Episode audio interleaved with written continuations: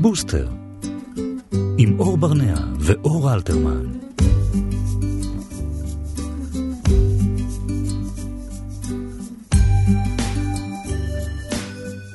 שלום וצהריים טובים לכם, אנחנו פותחים שבוע עם תוכנית נוספת של בוסטר כאן בכאן תרבות 104.9 ו-105.3 FM, צהריים טובים לך אור. היו. שמת לב שאנחנו כבר uh, כמה תוכניות במין שגרה כזאת, אין חגים, אין לפני חגים, אין אחרי מדהים. חגים, תכף חנוכה. אבל... נהנית, נהנית מזה כל כך. היום נעסוק בבוסטר בנושא שמעסיק את העולם כולו, לא רק כאן, הטרדות מיניות.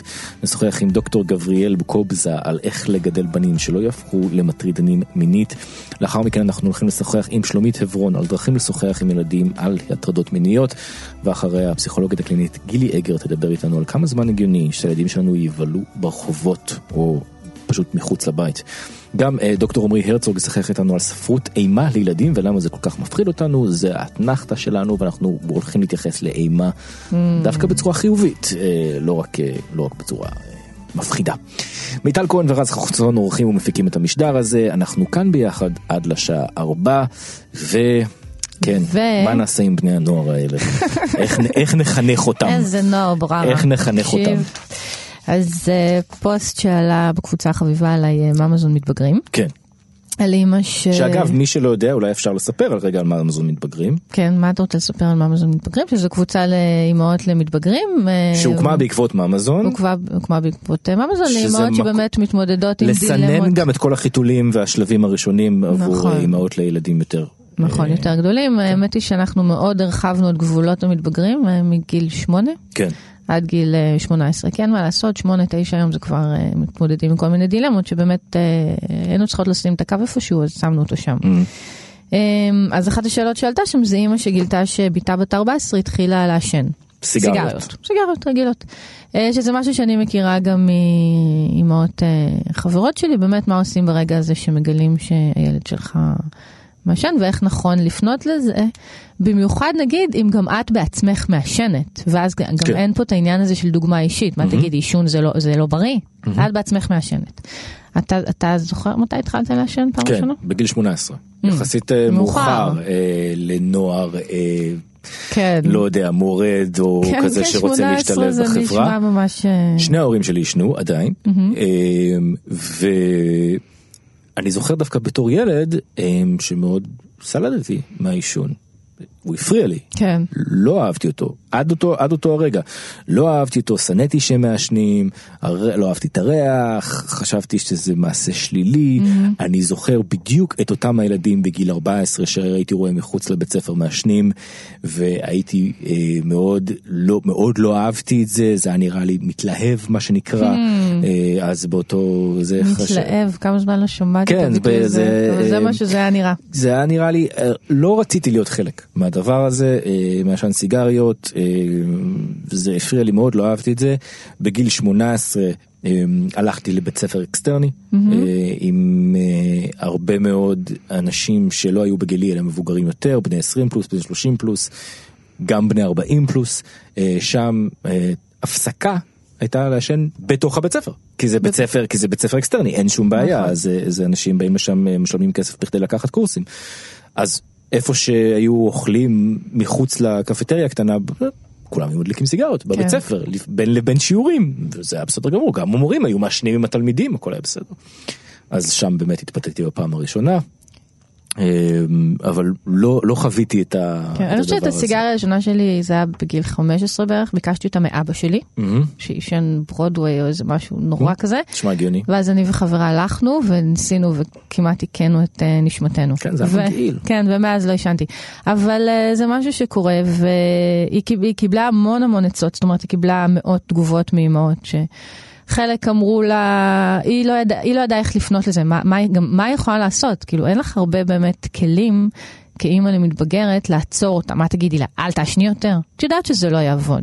ברגע שהיא לא בטווח שלך, היא עושה מה שהיא רוצה. כן. אז חלק אמרו את צריכה להיות איתה יותר קשוחה, וחלק אמרו לה דווקא להפך, שבי, תפתחי את זה איתה, תדברו, תסבירי לה מה את חושבת על זה.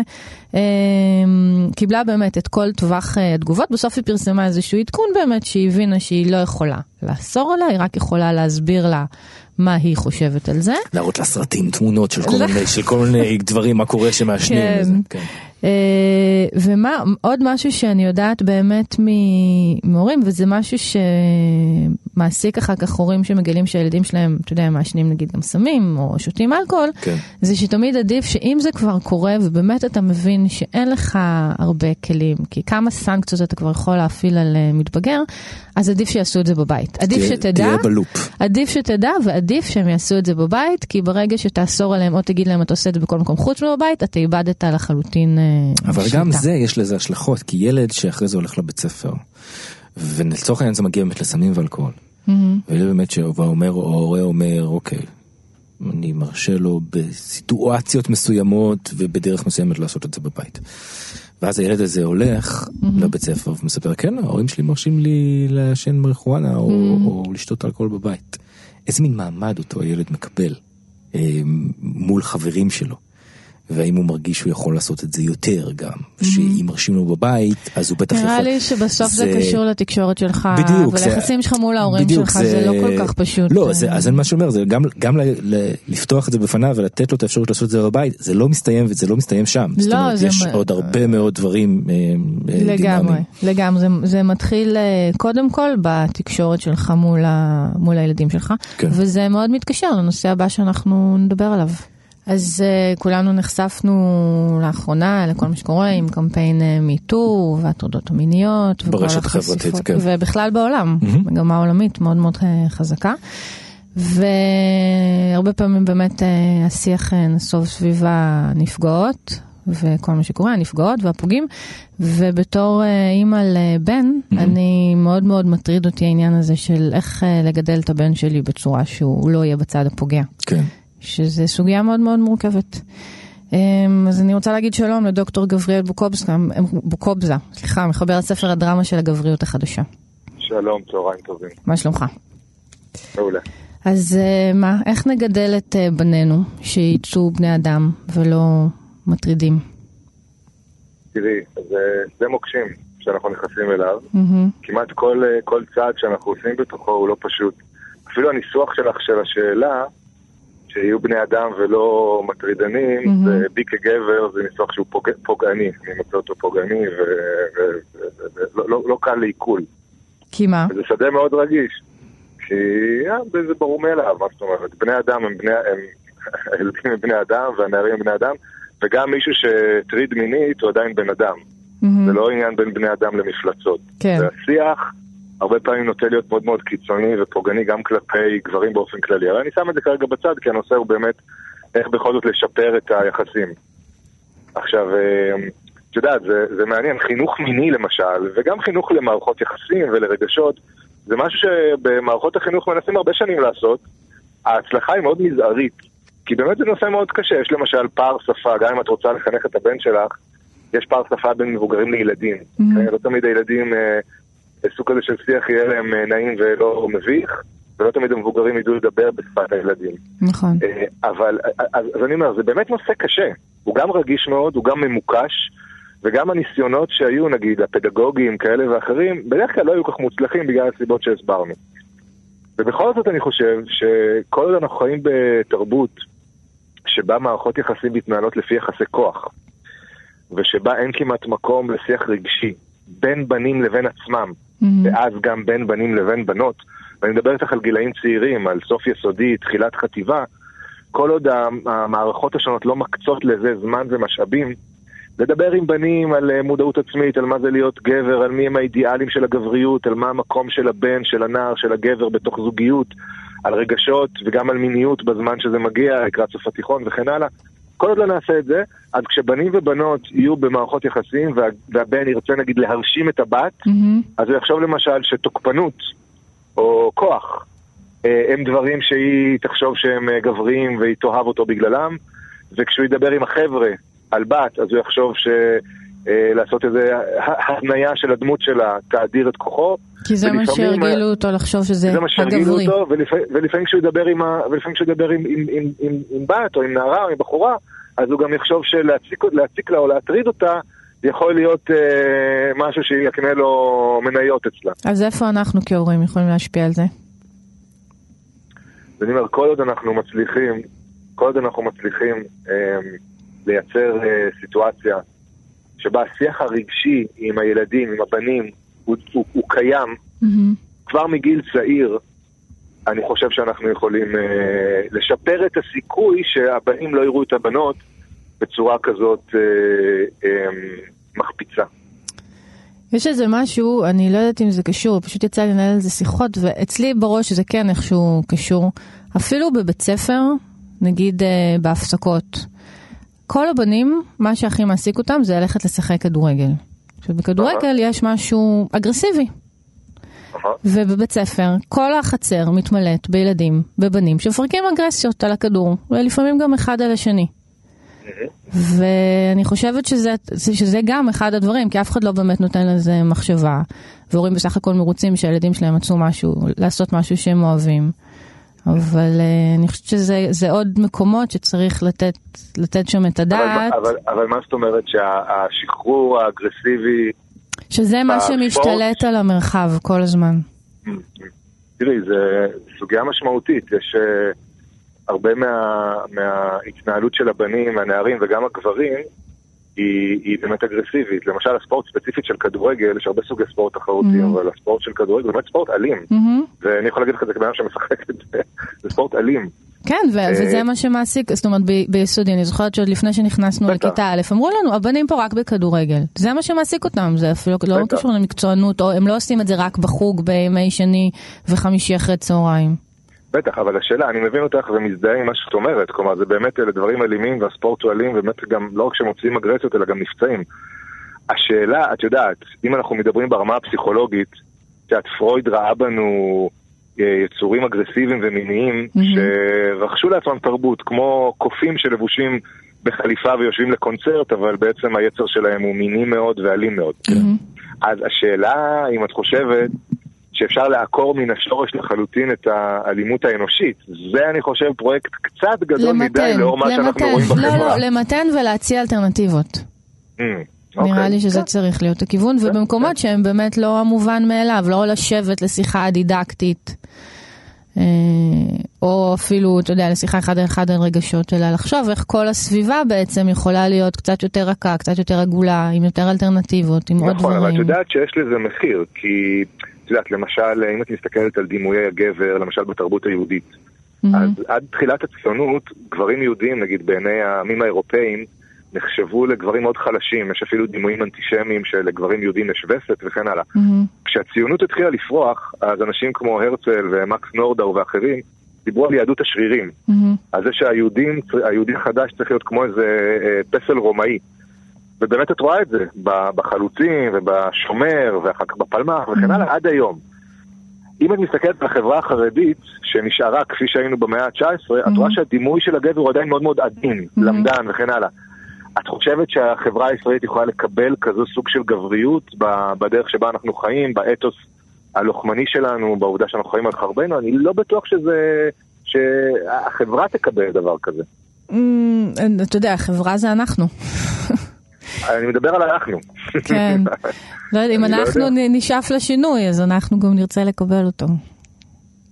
אה, סוגיה, כי כן. אנחנו כל חברה שהיא היא- היא לא לא בלי סיבה, היא מצ'ואיסטית.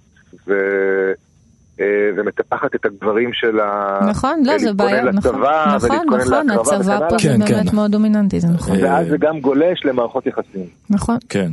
אז אה, זאת אומרת, לפני שעושים צעד אחד, צריך לעשות אותו בצעדים קודם לכן. בדיוק, זו הכוונה. כן. תודה רבה, דוקטור גבריאל בוקובסה. תודה רבה לך. תודה רבה.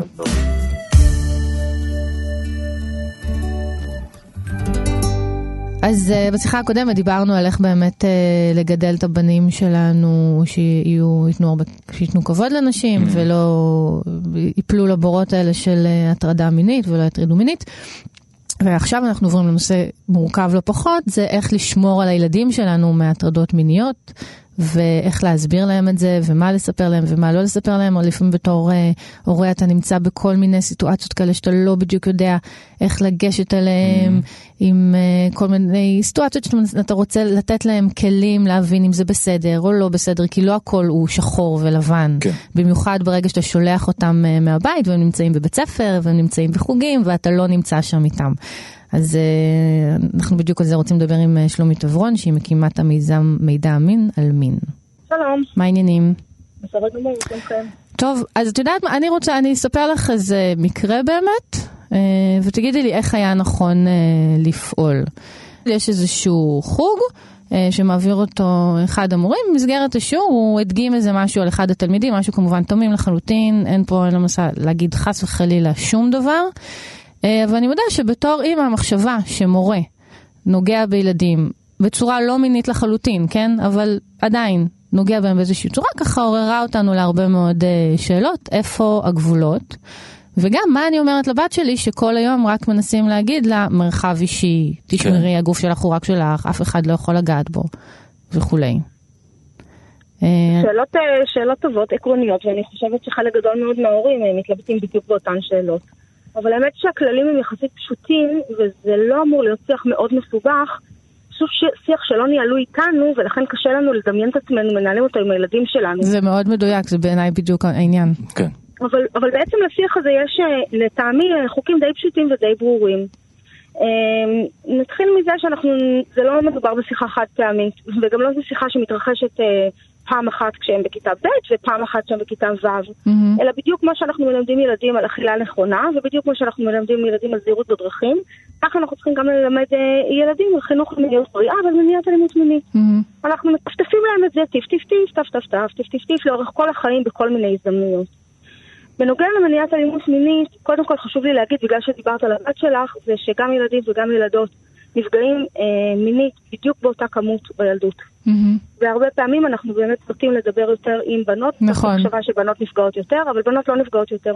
גם ילדים וגם ילדות נפגעים, אה, נפגעים באלימות מינית, ולכן אנחנו מחויבים בעצם לדבר עם שניהם ולא לשכוח את השיח עם הבנים, כי, כי, כי הם בדיוק באותה, אה, באותה, באותו מקום כמו הבנות. כן. לילדים צעירים, עד סוף כיתה ו', הדרך הנכונה היא לטפטף את זה בכל מיני מקומות. קודם כל מטפטפים את זה בעניינים של סודות. כל פעם שילד או ילדה צעירים באים ואומרים לי, אמא, יש לי סוד, מהמם. אז אני נותנת לסוד הזה המון כבוד. אני אומרת, וואו, סוד, אמא מעולה בסודות. מהמם. בואי, בואי, בואי, נעשה לנו כאן רגע מרחב פרטי, בואי נשב מתחת לשמיכה, נביא את הפנס, אמא מעולה, מעולה, מעולה בסודות, ממש טובה בזה. או אבא, אותו דבר. מהמם. ואז יושבים, שומעים את הסוד, בדרך כלל הסוד הוא כמובן סוד, כן? מסוג משהו שאיננו קשור בשום צורה שהיא למיניות.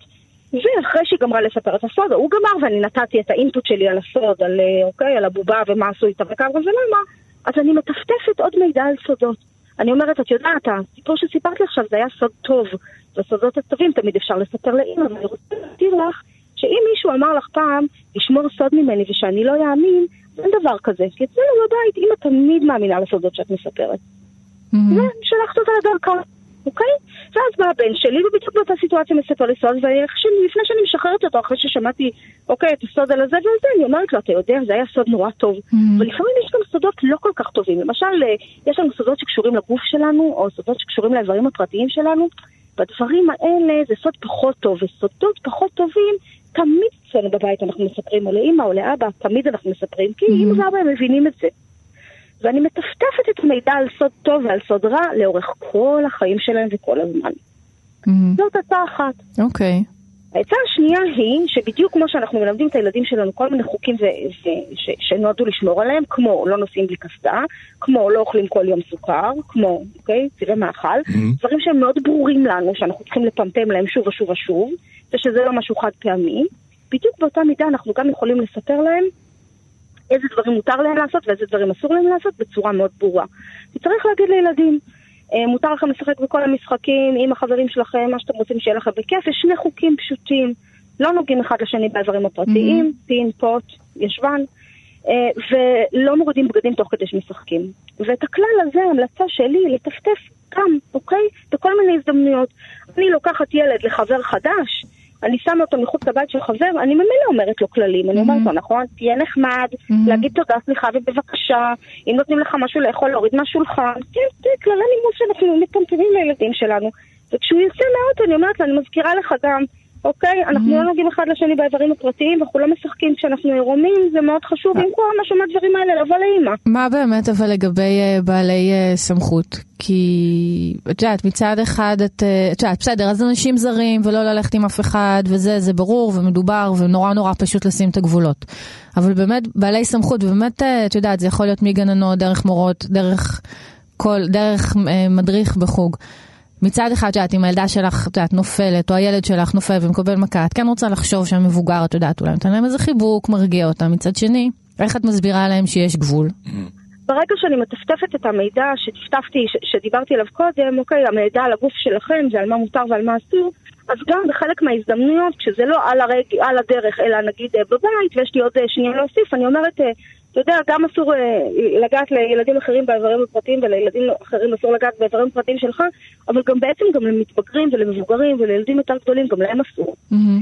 אה, ואני אומרת את זה הרבה פעמים, וכשאני מקלחת, נכנסת, אוקיי, כשהוא מתקלח, או היא מתקלחת, ואני, והם קטנים עדיין, ואני עוזרת להם להסתבן, אז אני אשתדל מהרגע שהם יכולים לתת את הסבון ביד שלו או שלה, ולהגיד, את הפוט שלך תסבני לבד, Mhm. או את הפין שלך אתה תסבן לבד, את הישבן אתה תסבן לבד, אבל לפעמים הגבול, פרטיים שלך. נכון, אבל לפעמים זה לאו, את יודעת, לפעמים זה גם חיבוק, יכול לפעמים להיות חיבוק מוגזם. אז אני אפמפם, אני אפמפם לילדים שיסמכו על עצמם, ושיבואו אליי עם מה שהם מרגישים לא בסדר. מהמם. אני לא אחבק ילדים בניגוד לרצונם.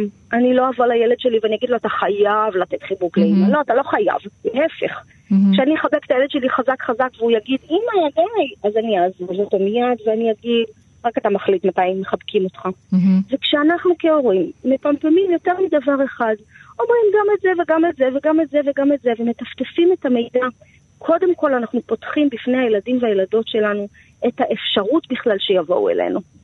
כי אם אני אמרתי, תדע, זה באופן עקרוני דבר שלא עושים, אז אם עשו לו את זה, הסבירות שהוא יבוא אליי היא די גבוהה, אם יש לי איתו יחסי אמון, ולחלק גדול מאוד מההורים יש יחסים מצוינים עם הילדים שלהם כשהם קטנים, כן? זאת אומרת, זה לא דבר נדיר. כשאנחנו בכלל פותחים את אפשרות השיח, או כשאנחנו אומרים, אנחנו מבינים בזה, אני דווקא טובה בזה, אני ואבא, אוקיי, או אני ואמא, או אני ואבא, אה, אה, טובים בדברים האלה, ואנחנו יודעים לעזור בזה, אנחנו פותחים קודם כל את האפשרות שאם ילד או ילדה מרגישים בבטן שמשהו לא טוב קרה, הם יבואו אלינו, מהמם. אבל גם שהם ידעו לזהות, אוקיי, שאם אימא שלי אומרת לי שאף אחד לא אמור לגעת לי באיברים הפרטיים, והיום קרה משהו מוזר, או מצחיק, או משונה, או נעים, אבל הוא היה בעצם קצת מוזר, כי המדריך שלי בחור ביקש שאני אעשה כך וכך, אז אולי כדאי שאני אספר את זה לאבא שלי. כי אבא שלי תמיד אמר לי לספר את הדברים האלה, והוא יודע מה לעשות. מהמם. ואנחנו מונעים מהילדים שלנו פגיעה חוזרת, שזה כן. בעצם כמעט הדבר היחיד הכי חשוב ש- שיש. טוב, תודה שלומית רבה עברון רבה. על אה, כל הדברים המאוד מאוד חשובים. חשובים האלה, אבל אה, גם עושים הרבה סדר. תודה לכם. תודה רבה. בוסטר, עם אור ברנע ואור אלתרמן. אז אני בתור ילד, אני חושב שהייתי איפשהו בין לבין. בין הטלוויזיה שמאוד אה, ריתקה אותי והייתי מבלה מולה הרבה מאוד שעות, אבל בין באמת להיות, אה, בגלל שגדלתי בשכונה שבית הספר היסודי שלנו הורכב רק מילדים מהשכונה, אז כולם היו שכנים של כולם, ובאמת אה, הסתובבתי הרבה בגינה הציבורית ובבתים של אה, חברים, הייתי ישן שם, הייתי מבלה שם הרבה מאוד שעות, אה, ואני הייתי אולי על הגבול, אבל באמת יש מקרים של ילדים ש... כאשר הם גדלים ומשוחררים ללכת לחברים בעצמם, מבלים הרבה מאוד שעות מחוץ לבית. אה, בין אם זה אצל חברים או בגינה הציבורית ליד, אה, ויוצר מצב שהם אה, לא בסביבה. השאלה היא מתי צריך לשים לזה גבול, והאם חי... חייבי... חייב באמת האם אנחנו משחררים, כן, תאכל אצלו ארוחת ערב, כן, אין בעיה, תישן אצלו, כן, אתה יכול ללכת איתו מחר לבית ספר, האם צריך להיות שם גבול, וכמו שאנחנו מכירים יותר אולי מהגיל הקטן, הפעוט יותר, שיש טקסים שאי אפשר לוותר עליהם, האם זה נכון לעשות את זה גם לילדים שהם יותר גדולים, ונמצאת איתנו גילי אגר, מנהלת טיפול קרוב אה, פסיכולוגים בווידאו ופסיכולוגית קלינית, שלום גילי. אהלן, צהריים טובים. את מכירה את ה... אה, לא נגיד תופעה, אבל אה, כן, את הנטייה נורמה. הזאת. נטייה, ש- את הנורמה הזו, כן. שהולכת וגוברת, אה, אני חושבת, בדור שלנו בקרב בני נוער. למה בעצם היא הולכת וגוברת? אמ, אני חושבת שיש משהו אמ, באפשרויות, אולי הנוחות יותר שיש בחוץ, כאילו אמ, ב- בתקופה שלנו לא היה כל כך איפה לשבת, היום יש אה, גינות, קניון, כן. כאילו יש אה, בחוץ אטרקציות שהן יותר אה, אה, נוחות ל- לילדים להעביר בהן את הזמן. אה, כן, דווקא תמיד אומרים שהילדים היום אה, כבר לא יורדים לשחק בשכונה. והם, כי אין, אין היום כבר שכונה, ודווקא המצב מרגיש פחות אה, בטוח. או, זה שהם יושבים, זה שכשהם יורדים אה, להיפגש, הם יושבים כל אחד עם הפלאפון שלו, ומתכתבים, זה לא אומר שהם לא מעדיפים לעשות את זה ב- בחברותא. הבנתי. וזה שוב, זה גם, אנחנו מדברים כאן על תופעה שהיא חלקית, אנחנו לא באים ואומרים שכל הילדים עושים את זה. לא, אבל, לא, נראה אה, לי זה מאוד קשור אה, כמובן לאישיות של. יש ילדים שמעדיפים להיות בבית. אבל באמת, יש ילדים שההורים שלהם, אתה תמיד מכנים אותם חתולי רחוב כאלה, וזה יכול להיות כבר, זה יכול לקרות כבר אה, מגיל צעיר, דווקא לא, אפילו לא בהכרח בני נוער, אפילו כבר, את יודעת, בכיתה ג' שהם יכולים להתחיל להסתובב אה, לבד. ילדים נכון. כאלה שאתה, נדמה לך שאתה רואה אותם פעם בשלושה ימים, כזה עברו, לקחו משהו מהמקרר והמשיכו הלאה. כן. והשאלה האם בתור הורה צריך מתישהו לשים לזה גבול. זאת אומרת, להגיד, מההיכרות שלך איתי, מה אני אגיד? שקודם צריך להבין למה זה קורה. זה, אין, אין אופי של ילד שמעדיף אה, חוץ אה, על פני פנים באופן גורף. יש אה, ילד שמקבל אה, מחוץ לבית כל מיני דברים שאולי לא יכול לקבל בבית. מהמם. אה, לאו דווקא, אני, לא אומרת את זה בהאשמה, זה יכול להיות כן, דברים לא לא בהכרח חיוביים. כן? נכון, לא בהכרח. משהו רע. יש, צריכה להיות סיבה לזה שהמאזן הופך להיות כזה שהילד מנסה כל הזמן להיות מחוץ לבית, וצריך להבין מה. אז אה, זה יכול ללכת על ספקטרום רחב, כן? זה יכול להיות ילד שהוא פשוט באמת אה, באישיות שלו מאוד מאוד חברותי וזקוק להרבה אה, גירויים ולהרבה אטרקציות ומאוד אוהב, מאוד מסור לחברים שלו, שזה נניח אה, אה, סיבה חיובית אם אפשר להגיד ככה. וזה הולך לקצה השני של ילד שמרגיש בבית אה, משהו לא נעים, או שאפילו קורה בבית משהו לא נעים. אה, שאין, שאין בבית עם מי להיות, זאת אומרת שזה להיות בבית לבד, שההורים מאוד לא פנויים נפשית אליו גם כשהוא נמצא בבית, מהמם. ואז היציאה החוצה היא מהווה איזשהו תחליף. אז צריך לבדוק את, כאילו, על כל הרצף הזה, מה הסיבה שהילד הספציפי כל כך נהנה להיות בחוץ. עכשיו, כמובן שילד לא יבוא ויגיד את זה בעצמו, כן? כן. אה, לא, לא בהכרח יגיד את זה, וצריך לנסות ככה להבין, ל, ל, בתור התחלה להבין אה, יותר על העולם שלו. זאת אומרת, מה קורה שם? אני זוכרת שיש לי מטופלים שאימהות אומרות, הם יושבים בגינה. מה הם עושים בגינה? מהמם. אז אני חושבת שזה באמת נושא לשיחה עם הילד, מה הם עושים בגינה? כאילו, מה, מה קורה שם? ואני יכולה להגיד שבקבוצות אה, שונות קורים דברים שונים לחלוטין. שזה ו- אומר? היא יכולה להיות קבוצת ילדים שיושבת בגינה ומעשנת, כן? מהמם. והיא יכולה להיות קבוצת ילדים שיושבת אה, בבית של אחד הילדים, או אפילו בגינה, ולא יודעת מה, מדברים על אה, מדע בדיוני. כאילו זה מאוד... אה, וה, והמשמעויות, ומה הילד מקבל מזה, אה, הן- אחרות. אז באמת, את הדבר הזה קודם כל ההורים צריכים. לפענח, ולפעמים הם צריכים עזרה מקצועית כדי להבין את זה, כי הם לא רואים את הנקודה העיוורת של עצמם. זאת אומרת, הם רואים מה חסר להם בבית. והם, כן, וההורה לא יודע מה הוא כן. לא מצליח לתת. אז כאילו, למרות דבר ששוב, ראשון- זה לא בהכרח כי חסר... נכון, נכון, אבל אני אומרת, דבר ראשון זה למפות האם זה כי חס... כאילו, צריך להבין למה, מה קורה שם. ואז בהתאם לדבר הזה לנסות אה, לתת מענה שמאזן יותר את חלוקת הזמנים בין הקשר עם המשפחה לבין הקשר עם החוץ, ואני בכוונה קוראת לזה קשר עם המשפחה, כי להיות בבית כשהבית ריק, או כשהבית ריק נפשית, אין לזה שום ערך. מהמם. אוקיי? המטרה היא לא להיות בבית, המטרה היא להעמיק את הקשר עם בני המשפחה. אוקיי. אמ, ואז באמת, אמ, על פי אה. הצורך שלו, אה, מבינים מה, מה אפשרי. עכשיו, נניח אם הצורך הוא ילד שפשוט מאוד אוהב חברה ומאוד מסור לחבריו, אז אפשר בהחלט אה, לדאוג לזה שחלק אה, יותר משמעותי מהמפגשים עם חברים יהיו בבית. מהמם. להזמין אלינו, זאת אומרת, זו גם אפשרות, זו גם אפשרות. אפשר, באמת כל צורך, ברגע שמבינים אותו, אפשר לתת לו מענה יותר מאוזן. נכון, אני פשוט טועה, אני יודעת מהרבה חברות שלי שהתלבטות זה, בסדר, זה שהחברים יבואו אליו זה בסדר, אבל הן יותר מתלבטות באמת על העניין הזה, אם לא להגיד באיזשהו שלב, די, היום אתה בבית, איתנו, את יודעת, לשים גבולות גם אה, לאובר אינטראקציות חברתיות האלה, אם אז- אפשר לקרוא לזה אני שוב ככה. אומרת, להגיד לו, פשוט אתה סתם בבית, ואז, ו- ובכך להפוך את הבית ל- לכלא שהוא עונש, זה לא רעיון טוב. כן צריך לייצר. אלטרנטיבה. כן. בדיוק, מה, היום אנחנו רואים סרט ביחד, היום אנחנו מבשלים ביחד, היום אתה עוזר לאח שלך בשיעורים, זאת אומרת, מה המשמעות של זה שאתה היום בבית? מה קורה בדבר הזה? ועל הדבר הזה לדבר, כי הדי הזה, היום אתה נשאר כאן, הוא, הוא באמת לא ברור להם. הם, הם מרגישים שזה עונש, הם בסוף הולכים לחדר שלהם, וזה לא not any better. כן, כאילו. בעיקר מרגישים שעוצרים אותם מלהיפגש עם החברים שלהם. נכון, נכון. אז ברגע שבאמת אה, נותנים אלטרנטיבה אחרת, שכאמור היא יכולה גם להיות אלטרנטיבה, אה, אה, היא לא חייבת להיות אטרקציה, כן, היום רוקדים ריקודי מחזמר בבית, זה בהחלט יכול להיות בימי רביעי אתה עוזר לאימא לנקות הבית, זה גם, זה רציונל מצוין גם. כן. לא, צריך להיות איזשהו. לא שיש לזה תשובה חד משמעית, אבל אוקיי, אתה מודע לזה שיש לך ילד מאוד מאוד חברותי באמת, שאוהב להסתובב עם החברים שלו, ואוהב להיות בחוץ וללכת ממקום למקום, ואת משחררת את זה. אתה חושבת שיכול להיות לזה איזשהו מחיר? אמ, בוודאי. המחיר הוא שהיכולת להכיר את הילד ולהבין מה עובר עליו, ואז אמ, בעת קצרה גם לעזור לו, הולכת ופוחתת כשאתה לא ממש אה, מכיר את, ה, את אורחות חייו, כן? Mm-hmm. כי אמ, אם, אם הוא כל היום מחוץ לבית, אתה לא חשוף לדרך החשיבה שלו, mm-hmm. לתכנים שמעסיקים אותו, אין לך אפשרות אה, להגיב עליהם.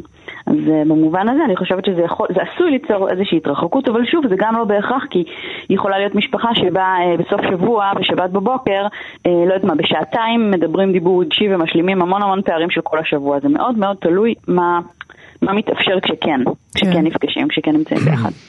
בעצם מה שאנחנו אומרים כאן זה שמלבד מה הילד סופג בחוץ, אנחנו צריכים לזכור שאנחנו בעצם אולי מאבדים שעות פה שהן חשובות ש, שלנו עם, עם הילדים. נכון, אבל שוב, אני אומרת, אנחנו צריכים לחשוב על זה, ולחשוב בכנות על המידה שבה אנחנו יכולים להעניק שעות איכות לילד. כן. כי אם יש לנו חצי שעה ביום שאנחנו יכולים לשבת ולדבר איתו, אז עדיף, זאת אומרת, אולי עדיף לו ששאר הזמן הוא יסתובב. שהוא באמת יהיה בחוץ. ואז כן, עכשיו רק עוד נקודה קטנה. אבל ממש אחרונה גם... לסיום. בסדר גמור. אה, היכולת של ילד אה, להעסיק את עצמו ולשבת בבית היא גם נקודה חשובה. זאת mm-hmm. אומרת, לפעמים זה גם יכול להיות רציונל ורציונל מדובר. כאילו אפשר להגיד, אני, חשוב לי שאתה תהיה מסוגל להעביר זמן גם בלי החברים. כן.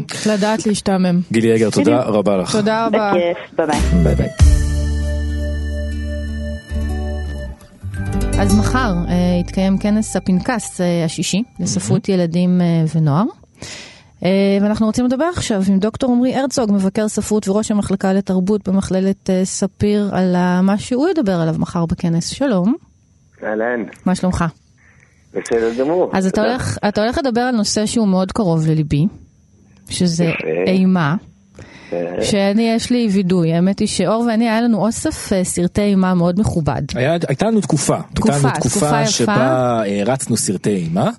רגע, והתקופה הזו עברה? כן, אז זהו, זה כן. קרה דבר מעניין שלדעתי קורה ללא מעט הורים, שברגע שהפכנו להורים, אני לא יכולה לראות את הדברים האלה יותר. מעניין. גם אם זה הדברים הכי כאילו נוראים, לא קשורים לילדים בכלל, כן. זה נהיה לי קשה פתאום. אני אגיד יותר מזה, אני עדיין מאוד אוהב את האומנות סביב אימה ואת הארט ואת ה... באמת עד לרמה של השימוש בצבעים המפחידים וכל ה... קונספטים הוויזואליים שיש, אבל כשאני הפכתי לאבא בפעם הראשונה, היה לי קשה לראות חוק וסדר, אה, לא רק לא רק אימה. נכון. אז אה, שזו סדרה שנורא נורא נורא אהבתי כן, עד שהייתי אבא. אז אה, כן. כן. מה שכן, הסדרה היחידה שהצליחה כן לחדור אלינו לאחרונה זה Stranger Things. כן. שזה סדרת אימה, ואיכשהו היא כן הצליחה. אז כן. טוב, אבל אנחנו פה יותר מדי מדברים על עצמנו, ובכלל לא מדברים איתך. לא, אבל זה דווקא זה מעניין, כי אני יכול לתת לכם, להציע לכם הסבר למה הפסקתם לראות סרטי אימה. או שלמה אתם מודאגים יותר מסרטי כן. אימה כשאתם הורים, כשאנשים הורים.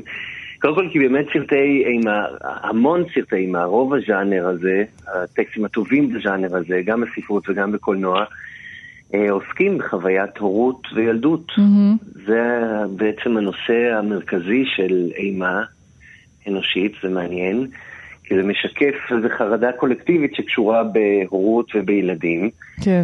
אמ, והטקסטים המרכזיים בז'אנר הזה עוסקים בזה בדיוק. אה, אולי גם באמת, אם לא מאוד אה, במפורש, משהו שם בחוויה, הוא מאוד ברור של, של מערכת כוחות שהיא מאוד מזכירה מערכת כוחות מול הורים אולי. נכון. של נכון. חוסר, ביט, החוסר ביטחון הזה. נכון. ואני אני, בסדר, אני חושב על סרטים כזה מרכזיים בתרבות האימה, אני לא יודע, מתינוקה של רוזמרין, mm-hmm. ובית קברות לחיות, והצלצול, ובבדוק, ועוד המון המון דוגמאות אחרות, ש, שמדברים באופן מאוד ישיר על הורות מודרנית, ועל ה... ועל החרדות שקשורות בהורות מודרנית. וזה לא חרדות, אגב, שתמיד קשורות בשלום הילד. הן עוסקות, לפחות בטקסטים שמופנים למבוגרים, כמו הדוגמאות שנראיתי עכשיו, mm-hmm. אז הם אה, שואלים, לא יודע אם שואלים, אבל הם נותנים איזה תשובות כנות ואמיתיות לשאלות, אה, לשאלות סודיות, לשאלות מורכבות, כמו האם אני יכול להיות הורה, האם אני רוצה להיות הורה, mm-hmm. האם אני אוהב את הילד שלי בכל תנאי, האם אני מפחד מהילד שלי. עכשיו, יש, זאת אומרת, בז'אנרים אחרים, בדרמות, בקומדיות, מיד פותרים את השאלות האלה. נכון. כלומר, מפעילים מולם מערך כזה של קלישאות. כן, אני תמיד אוהב את הילד שלי, ילדים זה אושר צרוף, mm-hmm. להיות הורה זה מסע קסום של הגשמה עצמית. Mm-hmm. הרי אלה בדיוק קלישאות שבאות לטשטש ואפילו נכון. לדכא את הסוגיות האלה, שהן סוגיות אמיתיות בכל חוויית הורות. אמ, אז זה נכון שלהיתקל בהם, במיוחד בשלבים הראשונים של הורות, זה דבר שיכול להיות מערער קצת. כן. כן. גם, אה, גם בשלב אחר כך, ונראה לי בכל שלב שלך, זה שאלות מאוד מורכבות. אז אה, בכנס אתה הולך אה, לדבר שם על ספרות אימה לילדים, למה זה כל כך מפחיד אותנו? נכון. אז למה זה כל כך מפחיד אותנו? כשאנחנו מדברים פה על אימה לילדים, פחות לזכורים. נכון. בעצם האימה לילדים, קודם כל אני אגיד שאימה, הז'אנר של אימה הוא ז'אנר מאוד מאוד מרכזי בתרבות הילדים, מבחינה, בספרות הילדים. והסדרות, הספרים המצליחות ביותר, אפילו אנחנו יכולים לחשוב, לא רק יכולים לחשוב, צריכים לחשוב על אגדות כסיפורי אימה, כי שגיאה ויפיפייה נרדמת ועמי ותמי אל סיפורי אימה לכל דבר. נכון, למרות שרגע, אני חייבת רגע להגיד משהו אחד. אני היום כאימא, זה נראה לי אימה, אבל בתור ילדה אני לא זוכרת שזה היה נתפס לי כאימה. אז זה תלוי גם איזה גרסה שמעת, אם את גרסת דיסני או את גרסת... אה, דיסני מן הסתם. אוקיי, כן. דיסני היא מאוד מרוככת. כן. אבל גרסות המקוריות של האגדות של המעשיות האלה הן איומות. עמי ותמי, לעומת זאת. כן. זה תמי, זה הארדקור, כן. לגמרי. גם אה, אוצלי גוצלי, שמפחיד אותי עד היום. זה נורא נורא מפחיד ואני כילד נורא פחדתי מההצגה הזו. כן. אה, היו לי עוד הרבה פחדים מדברים של ילדים בדרך כלל אה, פופולריים, החתול שמיל, זה היה משהו שנראה לי פשוט מטורף לחלוטין, שבן אדם בתחפושת, בן אדם מבוגר בתחפושת של חתול ענק מסתובב בין ילדים ורוקד ושר איתם. זה ודאי, וואלה, זה מפחיד. זה מפחיד, זה מפחיד נורא. וגם כמובן ליצנים וכל הדבר הזה שאנחנו עדים אז למה זה חשוב? למה בכלל זה חשוב לחשוף ילדים לדבר הזה? מה המשמעות של זה? זה חשוב מאוד, אני חושב, כי זה, זה בדיוק טקסטים, או ספרים, או סיפורים, שמדברים עם ילדים על החרדות הכמוסות שלהם. ונותנים להם לחרדות האלה או לספקות האלה מקום, מקום בעולם, איזה רגע שבו אפשר להתמודד איתם בצורה ישירה וגם לאוורר אותם, לתת להם מקום. והשאלות של ספרות אימה לילדים שואלת תמיד את אותן שאלות, כאשר היא אפקטיבית. ואלה שאלות אמיתיות. Mm-hmm. כלומר, זו תמונת המראה של, של ספרות האימה למבוגרים, ש, של השאלות שהזכרתי מקודם. ילדים, הספרות שואלת, למשל, האם, האם ההורים שלי, האם האבא יודע הכל? האם ההורים שלי אוהבים אותי כל הזמן? אבל מה זה... שאני, מה, מה קורה כשאני מקבל את כל מה שאני רוצה? זה עוזר להם להתמודד עם זה, עליי? או שזה אולי, אבל זה לא יכול לייצר אצלם חרדות? אני לא חושב שיש משהו, החרדות נמצאות אצלנו.